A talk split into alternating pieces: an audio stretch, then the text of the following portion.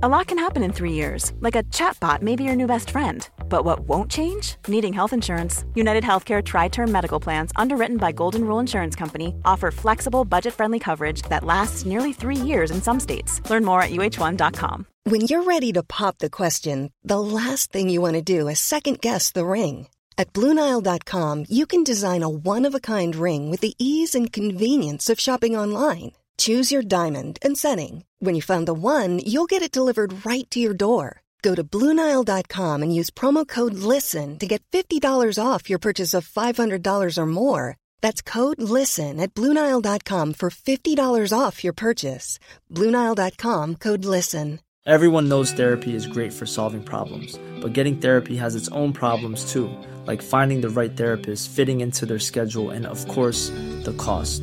Well, BetterHelp can solve those problems. It's totally online and built around your schedule. It's surprisingly affordable too. Connect with a credentialed therapist by phone, video, or online chat, all from the comfort of your home. Visit betterhelp.com to learn more and save 10% on your first month. That's BetterHelp, H E L P. There's never been a faster or easier way to start your weight loss journey than with PlushCare. PlushCare accepts most insurance plans and gives you online access to board-certified physicians who can prescribe FDA-approved weight loss medications like Wigovi and Zepbound for those who qualify. Take charge of your health and speak with a board-certified physician about a weight loss plan that's right for you. Get started today at plushcare.com slash weight loss. That's plushcare.com slash weight loss. plushcare.com slash weight loss.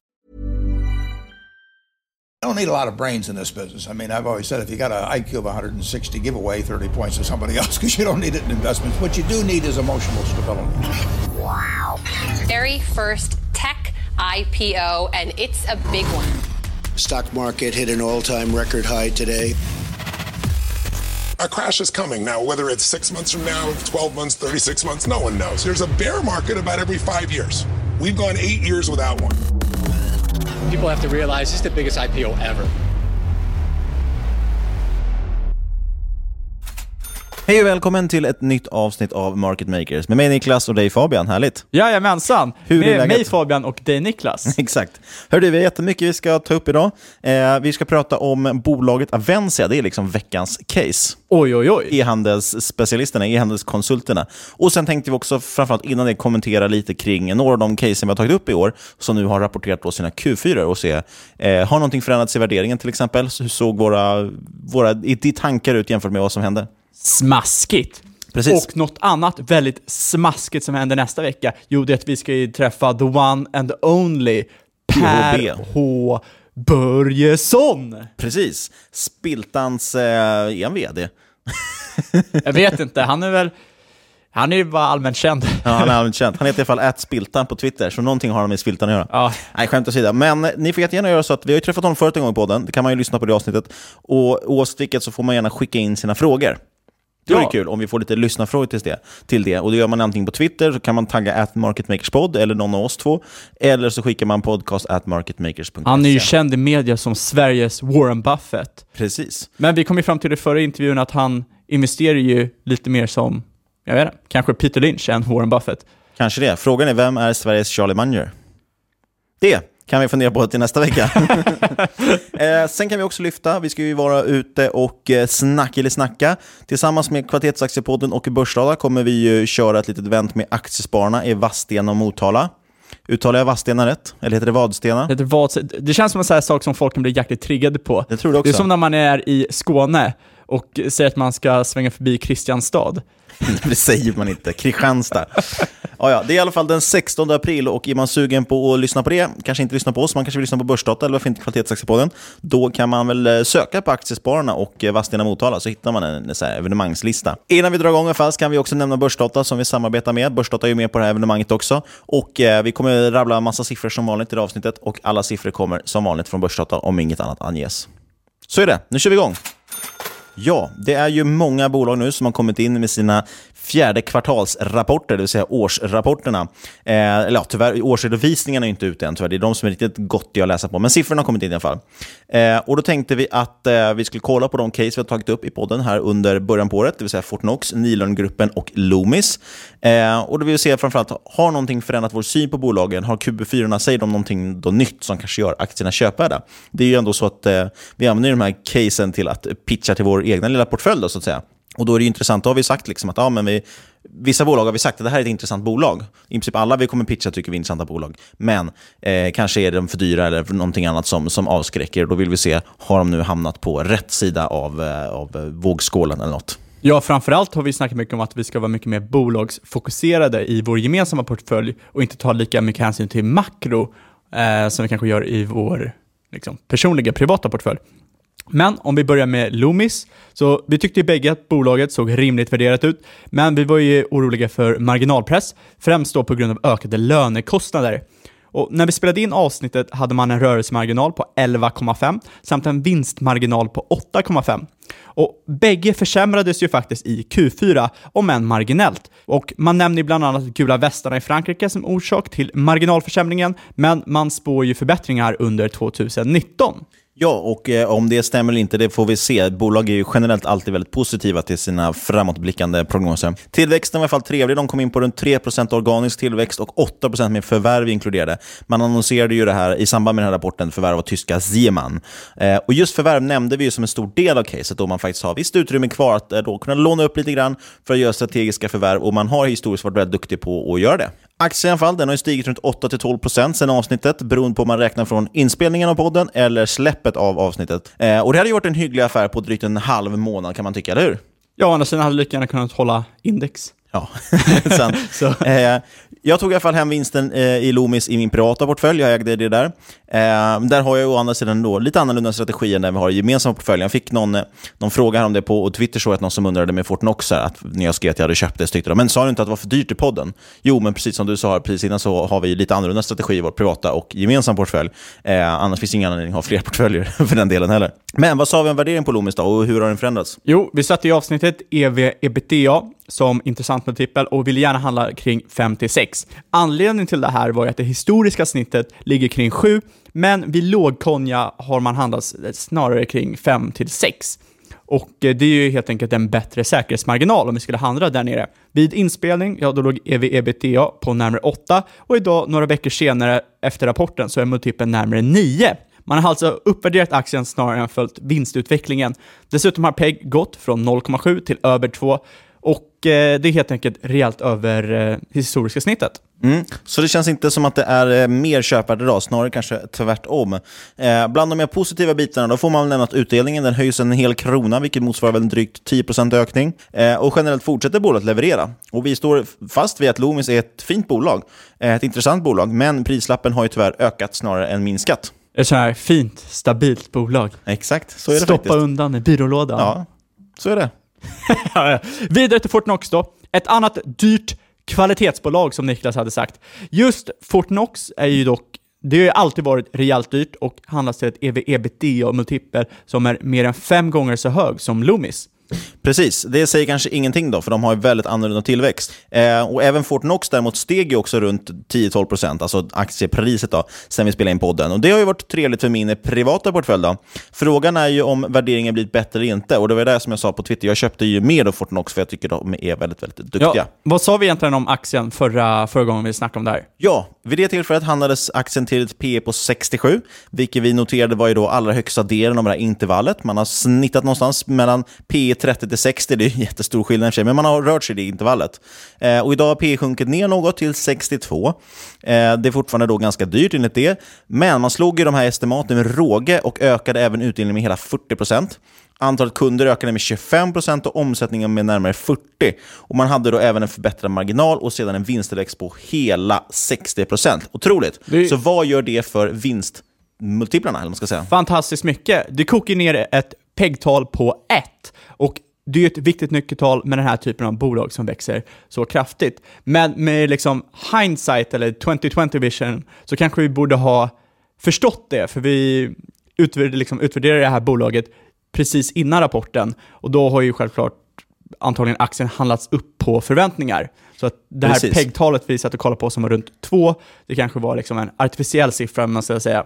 Ja, den eh, hade ju inte liksom uppdaterats för det nya, så där borde vi ju faktiskt, eh, får vi lära oss av att eh, sitter man och tittar på någonting några dagar innan rapport, eller årsrapporten framförallt, då får man kanske då slänga ett estimat själv då och räkna ut ett PEG-tal. Vi ja, sa det ju var väl det att vi satt och kollade på trailing 12 months. Precis. Och vi sa ju att vi gärna skulle plocka upp bolaget till ett PE på runt 40 någonting, men, och det är det ju långt ifrån då, men vi sa också att PEG är faktiskt viktigare för det, just för att det är ett tillväxtbolag helt enkelt. Det har alltid varit dyrt, så det blir larvigt att liksom skilja på PE 40 eller 50, bägge är dyra. Det intressanta är ju PEG-talet då, som tar hänsyn till vinsttillväxten. Och vi ville ju att PEG-talet då skulle ligga någonstans mellan 1 till 1,5. Vid inspelningen, som du sa Fabian, då låg ju PEG på hela 2, vilket vi tyckte var alldeles för dyrt, men nu är det alltså nere i det här undre intervallet och mer i linje då med den historiska värderingen. Då är frågan, är det ett köp? I privata väskan, jag ökar mitt innehav. Jag tycker att det kan vara värt att plocka in en post även i gemensamma portföljen. Spännande. Jag håller med. Oj, oj, oj, oj. Jag tycker så här... Jag loggar in här direkt, vänta. Jag tycker så här, börsen har sprungit på väldigt hög, eh, väldigt snabbt nu under året. Jag tror att det är väldigt mycket risk inprisat där. Men å andra sidan, vi ska inte ta hänsyn till det lika mycket i den här portföljen. Och det handlar inte om så mycket pengar egentligen. Det är ju bara några miljoner, så... ja, eller hur? Precis, så att, eh, vi kommer ju kunna leva på utdelningen oavsett. Nej, men så man kanske kan slänga in en eh, 10% kanske. Ja, jag tycker att det låter rätt bra. Eh, kan jag bara tillägga det, vi nämnde ju en av de största riskerna vi nämnde i avsnittet om Fortnox var ju dels den höga värderingen då. Eh, och det, som sagt, där, där kan vi ju då kontra med att PEG-talet nu är nere på en nivå där vi vill ha det, även om PE kanske är lite dyrt då. Eh, men den andra stora risken var ju då vi pratade om lågkonjunktur. Hur kommer det drabba? Det är mycket småbolag och medelstora bolag eh, som använder Fortnox. Vi såg redan under sommaren 2018 rekordmånga konkurser i Sverige, men det tycks ju faktiskt inte ha rört bolaget överhuvudtaget, vilket gör att i alla fall jag värderar ner den risken då lite grann. De verkar klara sig ganska bra ändå och man ser dessutom att kunderna nyttjar Fortnox mer och mer, så det är intressant. Ja, jag tror att det är, det är en sån produkt det är väldigt svårt att ge upp när du väl har börjat använda Så är det. Och det är väldigt sällan värt kostnaden och finns det dessutom inget alternativ som är bättre så finns det inte ens någon anledning att ta en så svår och jobbig kostnad. Ja, även om det finns bättre alternativ så vet man att företag har väldigt svårt att byta mot legacy-system. Precis. Spännande, företagets första köp. Men över till Nilörngruppen. Ja, här undvek vi ju en nedgång på hela 6% genom att avvakta och eh, ja, det kanske öppnats upp ett läge här. Vad tycker du Niklas? Spännande. Ja, det vi sa om Nylongruppen var att vi gärna skulle se ett P kring 10-11 och en möjlighet att köpa aktien billigare vid tillfällig marginalpress. Hur tänker vi då? Jo, resonemanget var att bolaget historiskt har haft perioder med sämre marginaler och andra med bättre. Och vi bedömer det som att det är bra att köpa bolaget när det uppvisar sämre marginaler, då vi tror att bolaget ska återhämta detta. Som vi nämnde då, så guidar bolaget själva för 10% i rörelsemarginal och tittar man tillbaka de senaste åtta åren, då har man pendlat mellan 9-12%. Och nu har man haft en sjunkande marginal sedan 2016, ja, vilket helt enkelt har satt lite press på aktien. Precis, och vi tittade ju på price to earnings och även EVE, alltså Enterprise Value to Earnings. Ska jag förklara vad det är? Det har jag inte gjort förut va? Ja, nej men kör på det. Ja, nej, men EV justerar ju för skuldsättning och kassa. Bägge de här talen låg vid inspelning på drygt 13 och vi ville som sagt gärna köpa bolaget kanske P 10-11. Idag ligger det nere då på 11,7 och man har även stängt, stärkt balansräkningen något och höjt både soliditet och sänkt sin nettoskuld. Ja, så att eh, det ser helt klart attraktivare ut.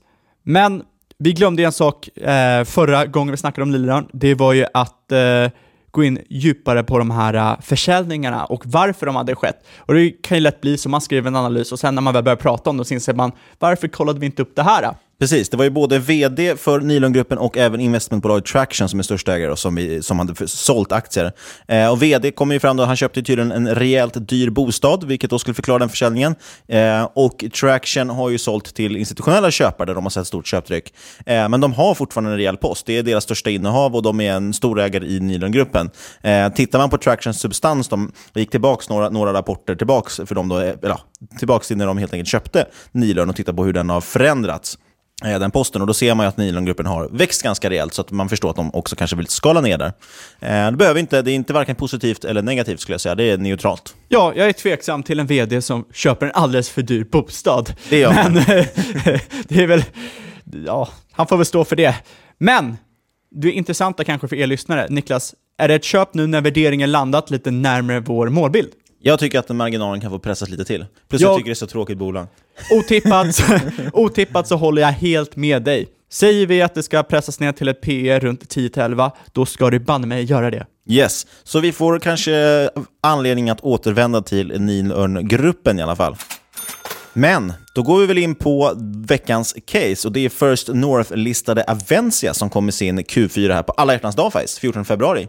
Ja, mysigt, mysigt, mysigt. Mm. Så att man är ensam hemma och läste rapporten. Ja, det kul för din fru. Men ett starkt lyssningstips om man är intresserad av Avencia, det är att lyssna på Investerarens, alltså Niklas Anderssons podcast med Avencias grundare och tidigare vd Robin Gustafsson. Och det är avsnitt 14 och länk i beskrivningen. Precis. För övrigt en bra podcast i övrigt när det gäller att läsa om bolag. Niklas, han har gästat vår podcast två gånger faktiskt. De kan man också lyssna på. Eh, han har jättemycket bra intervjuer, främst med då företagsledare för noterade bolag. Här gillar man att fjäska. Har du blivit inbjuden till uppesittarkväll igen kanske? Nej, jag tycker bara, tycker bara att vi kanske kan nämna det, för att det är fint. Plus att vi slipper då göra jättemycket bakgrundsarbete på bolaget som vi ska presentera. Då kan vi bara säga så här, lyssna på hans podd istället. Ja, för den som inte hört podden så kan vi dra en riktigt snabb recap. Avencia, det är ett konsultbolag med fokus på e-handel. Man grundades runt millennieskiftet och har genomgått sammanslagningar, renodlingar och en hel del annat på vägen till det bolaget som det är idag. Precis, och det kommer vi återkomma till, för det gör ju det här med att titta på historiken lite mer intressant. Eh, kontoren finns i Lund, Helsingborg, Göteborg, Stockholm, Köpenhamn, även i Filippinerna faktiskt, Oj, eh, där man nu håller på att expandera dessutom. Totalt är man närmare 200 anställda, främst utvecklare. Och här har man stigit väldigt mycket, man har, gått, eh, man har ökat sin personalstyrka på väldigt kort tid, vilket har satt press lite på marginaler och sådär. Man hjälper alltså företag med att utveckla och drifta sin e-handelslösning och bland kunderna hittar man bland annat Polarn och Pyret, hittar det fantastiska kooperativet Coop och Lyko. Den sistnämnda har för övrigt vunnit ett pris för sin fina e-handelsupplevelse, kanske tack vare Avencia. Antagligen, det är helt och hållet apropå Aven- eh, tack vare Avencia.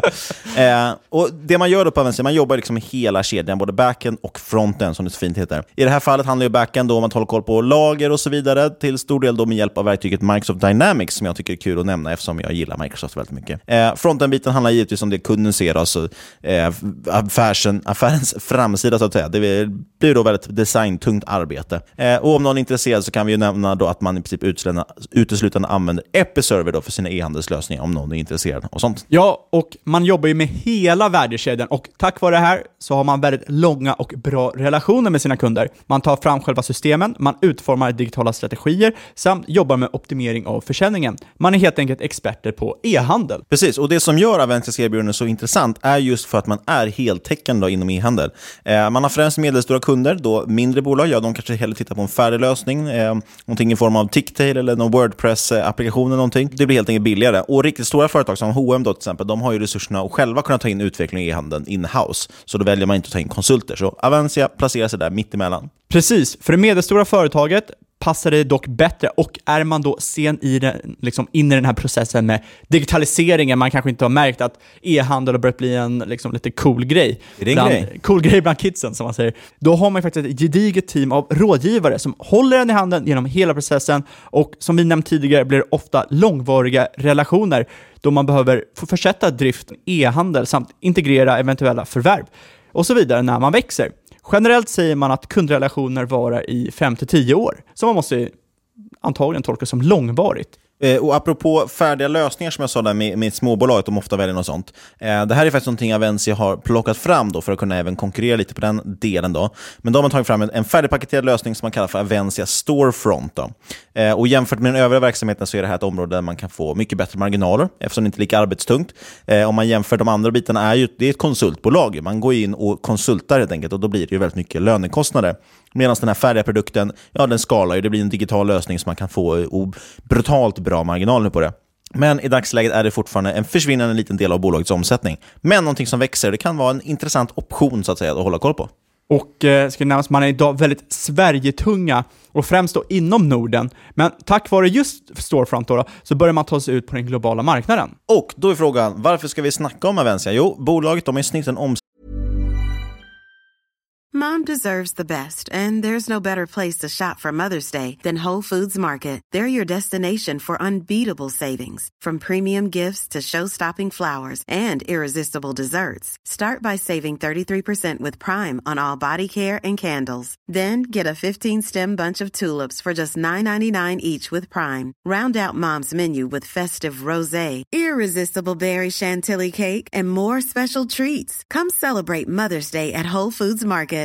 Ready to pop the question? The jewelers at BlueNile.com have got sparkle down to a science with beautiful lab grown diamonds worthy of your most brilliant moments. Their lab grown diamonds are independently graded and guaranteed identical to natural diamonds, and they're ready to ship to your door. Go to BlueNile.com and use promo code LISTEN to get $50 off your purchase of $500 or more. That's code LISTEN at BlueNile.com for $50 off. BlueNile.com code LISTEN.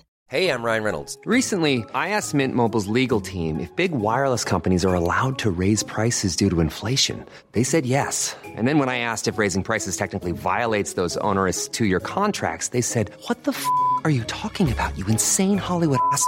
So to recap, we're cutting the price of Mint Unlimited from $30 a month to just $15 a month. Give it a try at mintmobile.com slash switch. $45 up front for three months plus taxes and fees. Promo for new customers for limited time. Unlimited more than 40 gigabytes per month. Slows. Full terms at mintmobile.com. Burrow's furniture is built for the way you live.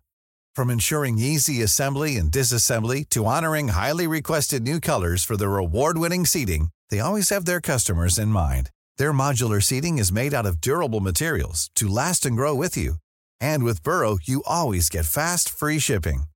Get up to 60% off during Burrow's Memorial Day sale at burrow.com slash ACAST. That's burrow.com slash ACAST. burrow.com slash ACAST. Quality sleep is essential. That's why the Sleep Number Smart Bed is designed for your ever-evolving sleep needs. Need a bed that's firmer or softer on either side? Helps you sleep at a comfortable temperature? Sleep Number Smart Beds let you individualize your comfort so you sleep better together. JD Power ranks Sleep Number number 1 in customer satisfaction with mattresses purchased in-store. And now, save 50% on the Sleep Number limited edition Smart Bed for a limited time. For JD Power 2023 award information, visit jdpower.com/awards. Only at a Sleep Number store or sleepnumber.com. Tillväxt på drygt 20 procent de senaste tio åren. Eh, de verkar i en väldigt intressant bransch med bra tillväxtpotential. Jag tycker även de skiljer sig ganska mycket från andra konsultbolag, just man har någonting väldigt nischat och intressant tycker jag. Eh, och Dessutom är bolaget relativt litet med ett börsvärde på drygt 500 miljoner. Eh, och dessutom alldeles för låg omsättning då i aktien för att kunna attrahera egentligen större institutionella investerare. Och Det här ger oss en möjlighet att få en lite bättre edge, som det så fint heter. Vi kan hitta lite, någonting som är lite mer underanalyserat. Tittar vi snabbt på ägarlistan ser vi att A5 Invest är största ägare med närmare 28% av kapitalet. Och det här är bolaget som tidigare nämnda Robin Gustafsson äger via. De flesta bland de större ägarna är personer med relation till bolaget och totalt äger de tre största ägarna över 50% i aktierna, vilket är rätt intressant. Fjärde största ägaren det är Avanza Pension med knappa 3%. Och den enda institutionella ägaren på listan är AMFs småbolagsfond som äger drygt 2% av aktierna. Precis, och det gör att man då får eh, lite mindre omsättning, man får lite mindre free float. Det finns sämre likviditet helt enkelt. Eh, det här är lite farligt och jag tror dock inte att det är tillräckligt låg likviditet för att vi ska kunna eh, påverka kursen på något sätt. Det hoppas jag inte, för då får vi Finansinspektionen efter oss kanske. Om man kikar lite närmare... Är det det du säger nu, att vi ska gå in 100% och sen håsa upp det här bolaget? vi får se vad vi, vad vi landar i för någonting. Tittar vi då på den lite mer underliggande marknaden, alltså e-handelsmarknaden, då kan man för första dela in den då i B2C, alltså business to consumer, och sen finns det B2B, business to business, när företag säljer direkt till varandra. Den förstnämnda, då, B2C, växte under 2017 med ungefär 16% i Sverige enligt e-barometern. Det är bra tillväxt. Business to business, business to business, eh, den delen är lite svårare att mäta, då, men enligt undersökningen Svensk B2B-handel för 2017 förväntar sig bolagen själva i alla fall en ökning på över 10% de kommande åren. Eh, så vi höftar till det lite, så att hela e-handeln förväntas växa med någonstans runt 16%, alltså den siffran som B2C uppvisade. Eh, och Då tycker jag är lite intressant att notera att Avencia de ökar sin omsättning med hela 36% samma år, alltså 2017. Eh, ja, mer än dubbelt så mycket. Så det är intressant. Men då ska det också tilläggas att eh, själva underleverantörsdelledet i e-handel, det förväntas ju också samtidigt växa lite snabbare än själva e-handeln i sig, kanske runt 20% Men man växer ändå snabbare än resten av industrin. Det är intressant tycker jag. Ja, exakt. Framförallt B2B är ju intressant då omväxlingen till e-handel har gått långsammare där av flera skäl. Eh, detta är ju dock något som ändras på och dessa företag omsätter ju oftast mycket mer än motsvarande B2C-affärer, vilket kan vara väldigt positivt för Avensia. Dessutom hävdar ju Avensia själva i sin årsredovisning för 2017 att just business to business är den del som passar bolaget bäst, eh, då de oftare kräver mer kundanpassade lösningar och därmed inte kan då välja standardiserade system. Så man har helt enkelt mindre konkurrens och mer behov av konsulter. Så, man har alltså haft en rejält imponerande tillväxt. Men aktiekursen, den har ju stigit rejält under åren. Vi har räknat fram både genomsnitt, median samt justerade snitttal. Mm, mm, mm. För Avencias omsättningstillväxt, vinsttillväxt och aktieutveckling senaste 10 åren. Och sammanfattningsvis kan man ju säga att omsättningstillväxten den ligger på cirka 20-30% per år, vinsttillväxten på runt 70% per år och aktieutvecklingen, ja, den ligger runt 40% per år. Eh, men samtidigt slår man ut hela aktien då, då blir det ju det här med ränta på ränta som det så fint heter.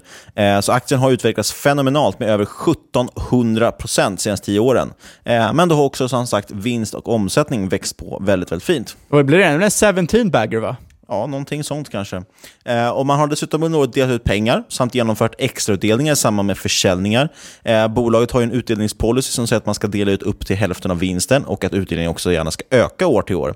Eh, I dagsläget har man direktavkastning på 1,6% Det här är ju standard i samband med Fortnox. Ofta är det ganska låg direktavkastning när bolaget värderas högt. Och framförallt har man en imponerande balansräkning med nettokassa.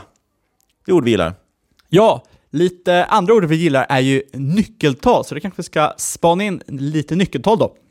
Som sagt så har man en negativ nettoskuld och även en nettoskuld genom ebitda på minus 1,2, vilket är trevligt. Du hade ju en väldigt bra liten ordvits om nettoskuld genom ebitda.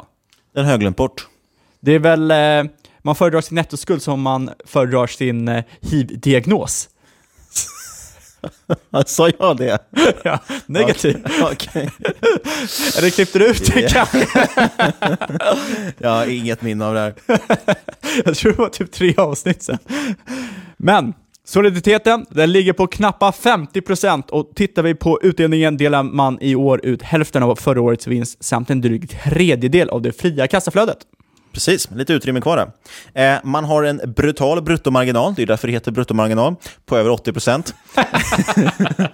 jag tänkte på, det var någon som drog upp den gamla eh, repliken från eh, filmen Heist, var det någon som skrev på Twitter. Där säger de ju, eh, fastän vad de säger, eh, “Everybody wants money, that's why it's called money”.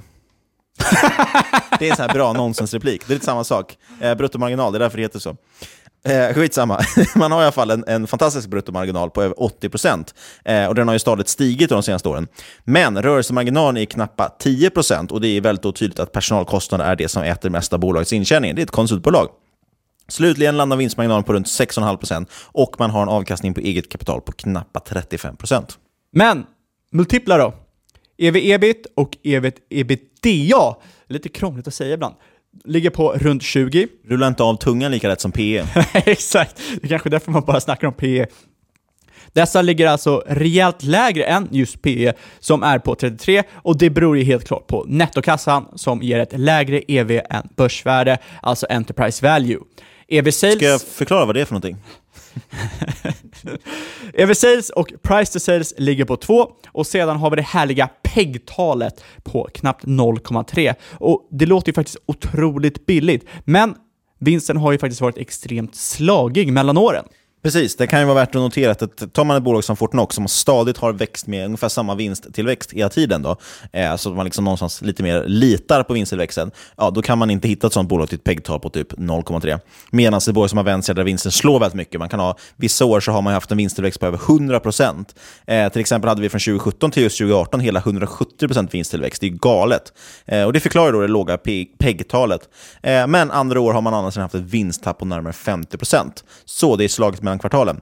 Men det finns ju en anledning till det här. Och det är det som vi nämnde lite i början, att det är lite intressant. Ja, de slagiga resultaten beror ju troligtvis på renodlingen mot e-handeln, där man under åren sålt av andra delar av koncernen. Det senaste tidens otroliga vinsttillväxt beror ju främst på marginalförbättringar och dessa kan av naturliga skäl inte fortsätta för evigt. Men i och med att Avencia Storefront samt ökat fokus på licens och prenumerationsintäkter så finns det intressanta möjligheter här helt enkelt. Precis, det har ju blivit en liten trend också. Vi har ju software as a service och så vidare, om vi pratar väldigt mycket om. Eh, och det, är ju, det mesta blir ju as a service nu, även transportation as a service och allting. Eh, och det som kommer nu är Ja, allting kommer väl vara as a service till slut. Precis, och det är lite intressant, för då är det många som ofta skiftar över även när det är konsultverksamhet. Det är lite farligt då. Då gör man eh, liksom konsultation as a service. Så istället för att jag betalar din arbetskostnad idag, upfront, så betalar jag istället för den här tjänsten som Avencia säljer in då. Vilket betyder att de tar en större risk, men om du då har ett långt samarbete så kommer det betala av sig över tid. Eh, och det är också ganska tryggt för kunden att de vet att det är någon som ja, supportar och så vidare. Jag tycker i alla fall inte att det är några konstigheter att kallt räkna med en fortsatt omsättningstillväxt på runt 20-30%, åtminstone de kommande då, eh, få åren här framåt. Eh, bibehåller man då samma marginal, eller kanske ännu hellre ökar något, då har du en, är fortfarande en rätt trevlig värdering. Eh, och tittar vi på siffrorna som kom in då för 2018, då hade vi närmare 50% omsätt- omsättningstillväxt eh, och nästan fördubblad rörelsemarginal, vilket gav den otroliga, otroliga ökningen i rörelseresultat på hela 176%. Vinsten ökade som sagt lika mycket och man tredubblar även kassaflödet jämfört med 2017. Det är rätt imponerande siffror Fabian, eller vad säger du?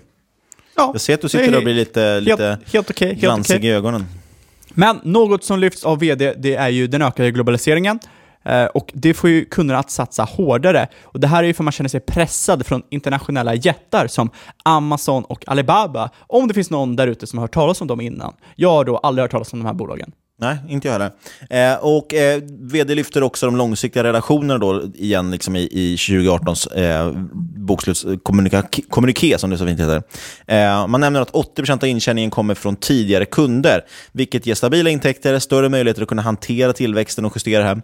Eh, jag vet att Robin Gustafsson pratade i, i podden där, i investeringspodcast, om att vid det tillfället hade de runt 15% av deras arbetsstyrka var i konsulter, alltså som de har tagit in externt för att man ska kunna parera det här eventuella tapp och så bland kunder. Eh, men det blir lättare att hantera sånt när man har en stabil intjäning. Eh, dessutom ser man också att de samarbeten man har blir ju mer och mer strategiska, så man får hjälpa bolag med mer än bara att utveckla saker, man får liksom hjälpa dem med hela strategin. Eh, så man växer med kunden helt enkelt och blir också då en integrerad del av deras verksamhet. Det här är väldigt intressant tycker jag. Ja, och det, som du sa tidigare, skiljer sig mycket från andra konsulter som kanske vid en eventuell eh, nedgång i konjunkturen blir de första man kuttar på on the payline. Det är ju därför man brukar använda konsulter. Eh, men blir man då en, en, verkligen en del av bolaget på ett annat sätt och hjälper dem strategiskt och med enen och så vidare, så, så är man fortfarande ganska viktig. Så jag tycker det är int- intressant. Eh, om man ska kika på lite slutsatser här då. Jag tycker att Avenza är ett väldigt intressant bolag. Eh, vi har ju följt dem över en tid, eh, men kanske aldrig riktigt, jag har inte tittat så noggrant på värderingen förut i alla fall och, och, och tillväxtsiffrorna. Eh, men jag tycker det är intressant som sagt, det är lite mindre bolag också, det har lite sämre likviditet, det öppnar upp möjligheter just för att kunna vara, eh, ha lite bättre koll på bolaget. Och dessutom har man haft stora svängiga resultat, vilket gör att den här kurvan då, den blir inte lika spikrak uppåt som till exempel i Fortnox här som vi pratade om tidigare. Eh, och det gör att man måste titta lite noggrannare, det gör att en del, fler aktörer inte kanske tittar så noggrant eh, och då missar en del investerare i caset. Eh, tittar man istället på kvartalsbasis kanske, kanske och, eh, och eh, liksom justera för de här händelserna som skett bakåt, då ser faktiskt kurvan riktigt fin ut. Jag tror att man lyckas styra bolaget på helt rätt väg med stora tillväxtmöjligheter framgent också. Ska vi snacka lite om något typ av base och bullkiss? Vi håller helt med dig om slutsatsen. Ja, och ett base case då? Ja, men det är väl att bolaget har en rätt trevlig framtid framför sig. Eh, jag tycker att mellan 10-20% tillväxt, det är inte alls högt räknat. Snarare borde kanske ett base case ligga här kring 20-30%, om man då tittar verkligen de, de nästkommande åren. Liksom. Jag tror inte kanske de växer så i, i 20 år framöver. Liksom. Ja, och ska man snacka något typ av bull-case kanske, så, så är man inne i någon typ av gyllene period där man kan fortsätta växa så extremt som man gjort senaste tiden. Och framförallt med en fortsatt lyckad marginalexpansion tack vare storefront och licensintäkter och så vidare, så kan man växa riktigt kraftigt de kommande en till två åren. Och eh, då ser ju faktiskt bolaget sanslöst billigt ut helt enkelt. Ja, och eh, bear caset om det skulle gå dåligt, de största riskerna jag ser det är personal. Eh, personal är dyrt och eh, framförallt svårt att få tag på. Eh, och skulle då, man ser också att några av kunderna står för ett stor del av omsättning. Eh, när det gäller dock personal så har man faktiskt väldigt låg personalomsättning, vilket jag tycker är positivt. Och även bilden man har fått liksom, av arbetsmoralen, eller känslorna, känns ju positiv, men det är givetvis jättesvårt att avgöra och säga någonting om. Eh, Tittar vi däremot på den här koncentrationsrisken som det kallas, det vill säga att man har få kunder som står för stor del av omsättningen, Då kan det nämnas att 2017 då stod två enskilda kunder för närmare 30% av försäljningen. Eh, under 2016 stod en enda kund för över 20% av försäljningen. Eh, så det, det, kan resultera i ganska stora tapp om man skulle tappa de här kunderna. Eh, och Det är lite oroande som sagt, men samtidigt inte så konstigt och stora nya kunder givetvis resulterar i stora projekt också som kräver mycket personal på en gång. Sen förhoppningsvis så ligger det kvar lite personal här och var på olika case där de jobbar då strategiskt och långsiktigt. Eh, så jag ser ingen större anledning till varför den här satsningen på e-handel skulle minska. Eh, men jag tycker ändå att det är någonting man bör hålla koll på. Och det leder oss givetvis in på då varför man skulle sälja det här bolaget. Ja, exakt. Det går ju väldigt, väldigt hand i hand med det du precis snackade om. En stor säljsignal är ju om Avanza skulle få väldigt stort kundtapp. Eftersom kunderna då är givetvis jätteviktiga och det är jätteviktigt att hålla koll på dem. Och Eh, det är troligtvis den största säljsignalen här, speciellt eftersom det är ett konsultbolag. Och utöver det så kan givetvis också uppblåst värdering vara anledning till att minska sitt innehav, men man får också se på varför en uppvärdering i så fall sker. Får en större aktör upp intresset för bolaget, ja, då kommer den låga likviditeten i aktien ställa till det och garanterat trycka upp kursen helt enkelt. I alla fall kortsiktigt, och något man kanske kan utnyttja till sin fördel å andra sidan. Precis, det vi pratar om där är att kliver in en, en stor fond eller någon annan som ska börja köpa det, här, då, då kommer det driva på kursen väldigt mycket. Eh, sitter man då med lite mindre pengar på sig så är det ganska lätt att kunna nyttja det genom att sälja av. Då. Eh, tittar man däremot på köpcase, jag tycker som sagt att bolaget är intressant. Eh, tittar man inte kortsiktigt så brukar bolaget då, nu, det här är alltså lite tekniskt också, tittar man kortsiktigt så brukar bolaget handlas upp rejält vid de här rapportsläppen, just för att det är väldigt fina siffror. Sen brukar det trenda neråt till nästa rapport och det är väl framförallt att folk helt enkelt tröttnar lite på att det inte händer någonting i bolaget. Det är ganska låg omsättning. Eh, döm av grafen skulle gissa på att det är en ganska bra affär att köpa bolag på några månaders sikt för att sedan då tappa lite fart när folk tröttnar på att det inte händer något i bolaget och sen kommer nästa rapport och då har vi troligtvis en rejäl trevlig tillväxt igen. Jag tycker det här är ett bolag man skulle kunna ta in i portföljen, men ett bolag där man definitivt köper in sig över lite tid, då, kanske några, åtminstone under ja, ett kommande kvartal då, i alla fall.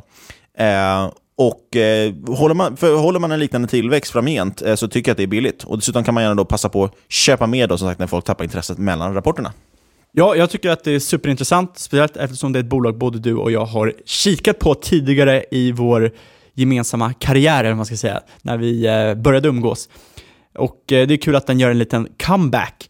Dessutom är det jäkligt trevligt med ett litet bolag som eh, är ägt av väldigt få personer. Så det, det passar in liksom lite i det vi försöker åstadkomma. Så jag kan också tänka mig att ta en liten position. Kanske börja med en insats på 5% och kanske under tid öka upp den mot 10%.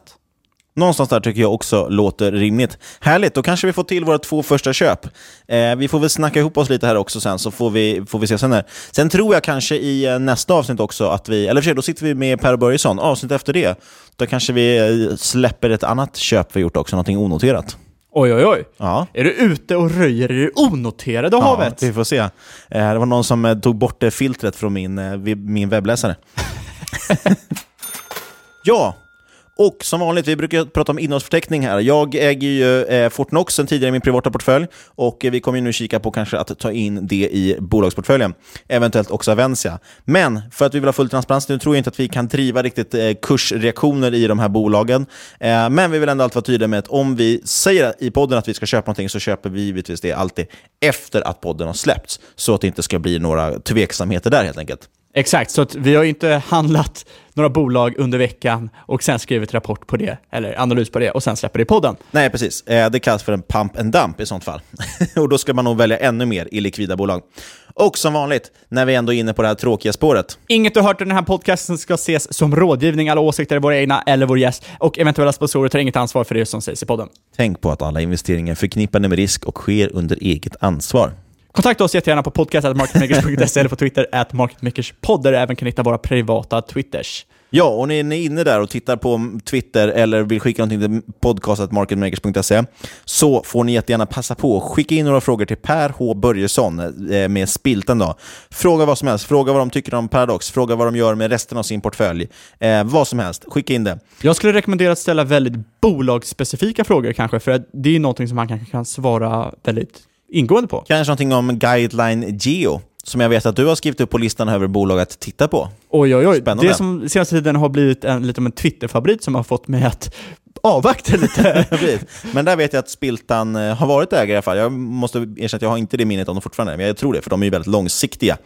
Eh, men kolla också gärna in Aktiespararnas event här med oss. Eh, 16 april tror jag att jag sa att det var. Kvalitetsaktiepodden, George från Börsdata. Det blir spännande. En länk till det finns såklart också i avsnittsbeskrivningen. Det ska vara väldigt lätt att hitta till saker och ting. Sist men absolut inte minst, Tack för att du, ja just du kära lyssnare, har lyssnat. Vi hörs igen om en vecka.